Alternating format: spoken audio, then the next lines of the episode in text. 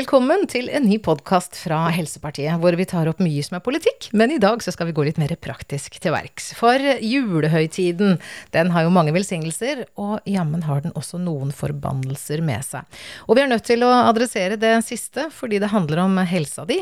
Og til å svare på et litt pussig spørsmål har jeg nå Bente Josefsen, jeg skal introdusere deg etterpå, Bente, men jeg må spørre. Hva har sukker, alkohol, piller, narkotika, shopping, trening og skjermbruk til felles? Det er et godt spørsmål, Lise. det det har til felles, er at alt det her kan potensielt være avhengighetsskapende hvis man har et følsomt belønningssenter som kanskje har en genetikk for å utvikle avhengighet. Bente Josefsen, nå kommer du også ut med boka 'Bli frisk uten sukker', og da åpner du med spørsmålet 'sukkeravhengig'? Ja. Er det så innmari farlig da, om vi er litt glad i sukker? Nei, altså Vi deler dette med sukkerinntak inn i tre ulike kategorier, og det er litt vesentlig for dette spørsmålet. For dette, den kategori 1 er de vi kaller som har et sosialt bruk. Eh, de kan ta én bit f.eks. sjokolade, og så er det liksom ikke noe stress. Men de tenker ikke noe mer over det. De får jo ikke noen konsekvenser av det heller, for forbruket er så lite. Hva med oss som tar to, da? Er det greit òg? Men ikke tre? Hvis du klarer å stoppe etter disse, det er ja. det det handler om. Du klarer å stoppe, du har kontrollen, og det overtar liksom ikke alle tankene dine. Du får ikke helseproblemer. Da, da er det helt fint. Mm -hmm. Sosialt bruk. Og det er typisk de som sier det, at det er jo bare å kose seg litt der. Hva er problemet? Alt med måte, moderasjon. Det er en fantastisk teori. Og, og, det stemmer for ganske mange? For ganske mange. Så de som har et sosiale bruket. Men så har vi de som er i kategori to, som er de vi kaller har skadelig bruk. Og det er kanskje de vi ofte forveksler nettopp med avhengighet. Eh, og det, det, handler om de som kanskje har lagt seg til en dårlig livsstil fordi at de bor alene på en hybel, er studenter, gjør ting lettvint eller er mye på reise. ikke sant? Det blir mye lettvint på farten. Mm. Så legger man seg opp til en dårlig livsstil, og man kan få signe blodsukker, som igjen kan gi et søtsug. Eh, som gjør at man kan, nesten kan føle at man har en avhengighet også. Mange sier at jeg er så avhengig av sukker, men så er det kanskje ikke det det faktisk har. Det er bare blitt et skadebruk som skaper et behov. Men disse som har, er denne kategorien, det er jo ikke en sykdom, det er jo rett og slett bare en dårlig vane. Og hvis de får beskjed om at de må skjerpe seg, ta seg sammen, så kan de relativt enkelt gjøre det. Altså de kan stoppe det her. Så det er kategori nummer to? Ja, det er riktig. Og eh, disse her også klarer jo nettopp det her med å sjonglere og være fleksibel. For hvis de bestemmer seg for å kutte sukker fordi at de innser at det ikke er så bra for helsa deres, men så kommer det et selskap en stund senere, og så kan de allikevel skeie ut litt, og så bare fortsetter de livet sitt som vanlig dagen derpå. Altså det er ikke noe problem. Men så har man da den tredje kategorien, som jeg selv er i. Eh, for jeg har selv en sukkeravhengighet. Vi har aktivert belønningssenteret. Vi reagerer helt annerledes i kontakt med sukker enn en som ikke har dette anlegget for avhengighet. Så når vi spiser litt, så får vi en helt annen reaksjon i hjernen. Og da har vi dette lykkehormonet dopamin, som utskilles i en helt annen grad enn hos et vanlig menneske. For alle opplever litt lykke av sjokolade, gjør du ikke, Lise? Absolutt. Jo, litt. Men vi opplever så mye sterkere reaksjon, og det gjør jo at hjernen søker tilbake til denne reaksjonen gang på gang på gang. Og så begynner den å bygge om belønningssenteret rent fysisk, og så utvikler man en avhengighet, og da har man ikke lenger kontroll. Da klarer man ikke nettopp det her å spise bare litt. Akkurat Men en, en som er tørrlagt alkoholiker, kan jo ikke ta sånn øl fordi det er lørdag eller julaften. Det fungerer jo ikke. Nei, men hvordan merka du at du var så følsom at du var det som heter sukkeravhengig? Ja, altså all avhengighet det utvikler seg over tid, så det blir jo verre og verre. Så i starten så opplever man kanskje bare at man er litt mer glad i det her enn andre. Men etter hvert så blir problemet større og større. Og det var først da det ble ganske alvorlig for meg, at jeg begynte å stusse litt på egen atferd. Hvor alvorlig ble det for deg, da? Nei, altså Jeg hadde vært uten sukker faktisk i fire år. Eh, fordi jeg fikk litt, sånn, fikk litt, helseproblemer og bestemte meg for å kutte sukker. Og det gikk veldig fint. Jeg må bare opplyse om at hundene mine er avhengig av å bjeffe og si ifra hvis det kommer noen. Vi har jo hjemmepodkaststudio, så beklager det. Det er business og pleasure litt i bakgrunnen her. Men bare fortsett å fortelle du, Bente. Ja, det går fint. Nei, så jeg hadde vært uten sukker i fire hele år, og i mellomtiden der hadde vi blitt foreldre. To barn fikk vi på åtte måneder. Ganske godt gjort. Det er godt gjort. Hvordan lar det seg gjøre? På åtte måneder? Ikke ett år, åtte måneder? Nei, åtte måneder. Litt sånn verdensrekord, nesten. Ja. Nei, det var ved, ved adopsjon. Først utenlandsadopsjon, oh, ja. og så var det ei lita jente som er født her i Norge, som ble sånn big surprise. Fantastisk! Det var så spennende. Veldig spennende og veldig unikt. Men da erfarte jeg da at det ble ekstremt mye våknetter, og etter ett år nesten uten søvn, så satt jeg plutselig der igjen og spiste sukker. Jeg skjønte ingenting. Og denne gangen var det helt annerledes enn det det hadde vært tidligere. Jeg opplevde meg helt ustoppelig, og mengdene var sinnssyke.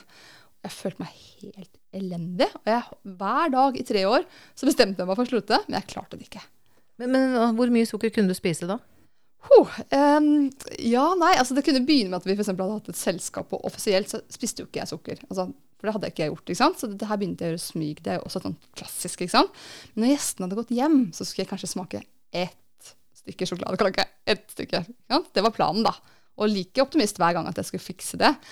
Men det endte jo ikke med det ene stykket. Det kunne, være, altså, det kunne bli resten av kaka. Og så kunne jeg kanskje gå og hente meg litt potetgull, for det også er innunder dette med sukkeravhengighet. For det er eh, mye raske karbohydrater i det, som påvirker belønningssenteret på samme måte som sukkeret. da. Så da kunne jeg gå over til det, og så når det var dumt, så kunne jeg begynne å ramstere i fryseren og se var det noe is igjen. Og så var det da å se hadde barna noen rester av noe godteri. Dette høres jo direkte plagsomt ut. Var det da du skjønte at du var sukkeravhengig? Ja, så På et eller annet tidspunkt her så begynte jeg å tenke at men det her minner veldig om en alkoholiker. Så jeg begynte å se, begynte å se et atferdsmønster. Eh, så jeg tenkte dette her minner meg om det jeg har lest om folk som er avhengig av alkohol. Men jeg skjønte fortsatt ikke at det var en sukkeravhengighet før jeg på en måte kom over tematikken og leste om det. Så tenkte jeg men i alle dager, dette er jo akkurat sånn jeg har hatt det. Det stemmer jo på en prikk. Og det må jo ha vært en sterk opplevelse, men hva har denne sukkeravhengigheten med alkohol, piller, shopping, narkotika, trening og skjerm å gjøre da?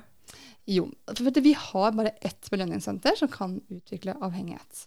Så helt uavhengig av hva man har blitt avhengig av, så er det samme sykdom i prinsippet. Så er det vi kaller sukker the gated drug. Altså det er ofte ligget i bunnen der. Og mange kan skjønne det når man måte går litt sånn tilbake i sin egen historie. At hm, det var noe med mitt forhold til sukker kanskje allerede da jeg var barn. Så man har kanskje ikke skjønt at man har en sukkeravhengighet. Så kommer man kanskje i kontakt med alkohol da, når man blir tenåring. Og så får man kanskje en helt annen opplevelse av alkohol enn kameraten eller venninna. Og det man ofte ser på, er at altså, man forandrer sinnsstemningen. Man, man, er den som blir veldig forandret i kontakt for da med alkohol. Og, og, har man da allerede aktivert belønningssenteret med dette sukkeret, så utvikler man potensielt avhengighet til alkohol, da, som dette eksempelet, mye fortere. Og så er det sånn at Man vet det i dag at over 90% av det som har en eller annen type avhengighet har flere det vi kaller da utløp. Altså Sukker kan være ett utløp, alkohol, piller, shopping, sex, eh, trening osv. Så, så alt dette her kan man bli hekta på, og 90% har mer enn én avhengighet. Det er riktig. Og, og, men skjermbruk også, Bente? Ja, skjerm. Ja, men har du ikke lagt merke til liksom, Så egentlig tenker etter. Mange sitter ikke og ser på denne skjermen hele tiden. Og du som lytter, hvis du tenker etter, kan du kjenne deg igjen i det? At du tenker at jeg, jeg bruker nok den f.eks. mobiltelefonen litt mye. Ja, jeg kjenner meg igjen sjøl, jeg. Ja, og så tenker du at ja, nå må jeg dra ned til forbruket, det er jo ikke bra. Og kanskje andre også reagerer. og Sitter, du er jo på den skjermen hele tiden. Så har du gode forutsetninger til å tenke at jo, dette må jeg gjøre noe med. Og så tar det på kort tid, så er du der og sjekker denne telefonen igjen. Men er det dopaminutskillelse i hjernen det også? Ja, det er helt riktig. Og det interessante er jo at de som på en måte står bak ulike programmer og algoritmer osv., Facebook og spillene osv., de, vet, altså de vet mye om avhengighet. Hva som trigger belønningssenteret og skildrer dopamin. Så det er jo ikke tilfeldig. At spill, man får belønninger, pling. ikke sant? Man får likes. Man får likes, ja. Det er avhengighetsskapende. Det er virkelig avhengighetsskapende. Du, dette er ganske skummelt. Men nå eh, i julehøytida er det mange som får i seg mye sukker. Fins det noe eh, råd å ta med seg på veien, Bente? Ja, altså det, tenker, det, er to ting. da. Det ene er at eh, for guds skyld har du ikke en avhengighet. Selvsagt, jeg vet sukker er en del av vår kultur. Men det går jo an å være litt bevisst på inntaket. ikke sant? Altså, hvor må man ha brus, brus da, til, i alle anledninger? For altså, flytende sukker er faktisk verre også enn det man tygger. Eh, så det er jo én ting. ikke sant? Altså bare tenke sånn, Litt sunn fornuft, ha kanskje på litt bremsen. Og så kanskje legg merke til egen atferd. Er dette noe du har kontroll over? Eller er det sånn at du stadig har dårlig samvittighet, at du setter opp regler for deg selv? 'Jeg skal bare spise litt eller drikke litt.' Og Kanskje overvåke barna våre litt også? Ja, absolutt. ikke sant? Har du barn som stadig snoker etter noe søtt hele tiden, ikke sant? vær litt oppmerksom på det. Så det se etter de atferdsmønstrene som går ofte på det at man Sette opp regler som man bryter, man mister kontrollen, man spiser oftere og mer enn man hadde tenkt, og også begynner å gjemme og smyge. Da kan det gå en liten, liten bjelle i bakhodet. Apropos barn, jeg veit at du som barn eh, hadde et par episoder som gjorde at eh, det kanskje ringte noen bjeller. Kan ikke du fortelle om den julekalenderhistorien? Nei, altså jeg har to storesøstre, og jeg tror jeg var rundt fire år, så hadde vi fått eh, hver vår sånn sjokoladekalender til jul. Altså 24 biter hver. Og jeg ble da funnet uh, under en dyne hvor jeg hadde tømt alle disse tre kalenderne. det er jo 72 biter. Det er jo, det er jo en del for en fireåring. Det er mye sjokolade. Ja, så min, eh, så min mor da måtte erstatte og teipe inn alle lukene. Og så prøvde vi igjen. Men søstrene dine hadde ikke samme suget? Nei, de hadde det ikke. Mm. Du, det er mange som uh, kanskje innerst inne blir litt provosert og tenker at jeg skal spise sukker, og jeg skal kose meg, og sukker er jo en del av kosen. Det er litt vanskelig å observere seg sjøl og avsløre seg sjøl. Mm. Uh, eh, Fins det noe hjelp? Altså, en ting er boken du kommer ut med, jeg tipper at den også er ment som en hjelp til den som eventuelt vil prøve å kartlegge litt hvor man sjøl ligger?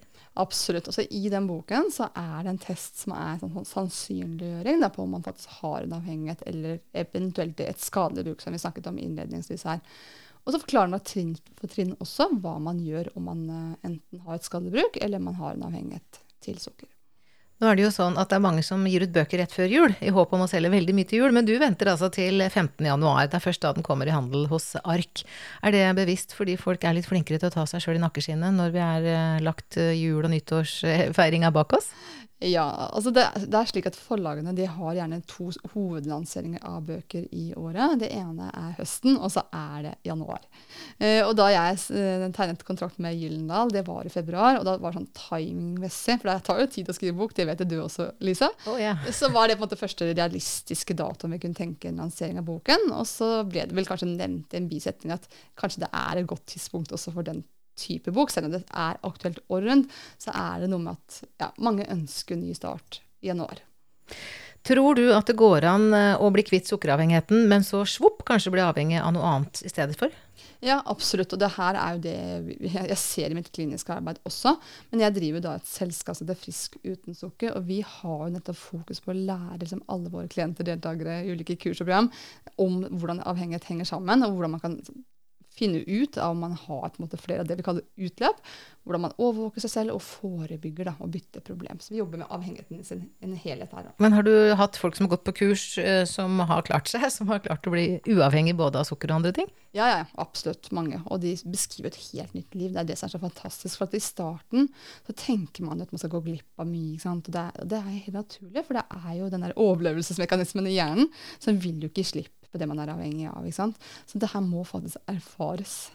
Og når man da kommer det vi kaller tilfriskning fra en hvilken avhengighet, så oppdager man at man får et helt nytt liv. Lise. Plutselig så får man ro i hodet. Det surrer ikke tanker 24-7 om det man er avhengig av. Man får kapasitet til å være sosial. Man begynner å til og med synes kanskje det er fint med fuglekvitter. Det har man kanskje glemt å legge merke til på noen år. kan, kan nyte samvær med barna sine på en ny måte. Er til stede i livet på en helt ny måte. da. Og selvfølgelig får en bedre helse. Men innimellom så må man jo spørre seg hva er forskjellen mellom å være avhengig og være normalforbruker. For periodevis opplever jeg at jeg nesten er hekta på helsepolitikk, og det er veldig sært. Men jeg er lidenskapelig og veldig veldig opptatt av at vi må ha helsesystemer som tar mye mer hensyn til enkeltmennesket. Eh, kan man bli hekta på sånne ting også? Ja, for der kan man jo komme innenfor at man kan bli hektet liksom, på, eh, altså, på, jobb. da, ikke sant? Det så, er jo så jobbavhengighet er også et problem som kan skyldes eh, det grunnleggende sukkeravhengighet? Ja, altså avhengighet i det hele tatt. ikke sant? Og sukker kan ha ligget i bunnen. ikke sant? Og det her handler igjen om altså Atferdsmønstrene er de samme uansett hvilken avhengighet det handler om. Man har ikke kontroll. Ikke sant? Og da kanskje familien begynner å påpeke at du jobber jo litt mye, ikke sant? Mm. og du sjekker mail hele tiden, du er tilgjengelig hele tiden. Du klarer ikke å koble av, da, ikke sant? og så klarer du ikke å gjøre noe med det. For mange kan jo jobbe mye, og så blir de gjort oppmerksom på det, og så har de motivasjon, så klarer de å endre på det. Mm. Men klarer du ikke å endre på det, da er det jo interessant å sjekke ut kan det være en avhengighet Helsepartiavhengighet? Ja. Jeg får undersøke meg selv litt der, altså. om det treffer. Men du, vi må likevel eh, nå avslutningsvis snakke litt mer om uh, dette med sukker. For at, uh, sukker er jo en del av uh, kulturen vår. Og du sa før vi gikk på lufta, så sa du at 80% av matvarene våre inneholder sukker. Hvordan i all verden klarer du å unngå sukker? For jeg regner med at du må prøve å unngå det helt? Ja, Det er riktig. Altså, det er i dag tilsatt sukker i så mye som 80% av matvarene. Men så klart, noen produ produkter er det jo mye sukker i, og noen er det mindre i.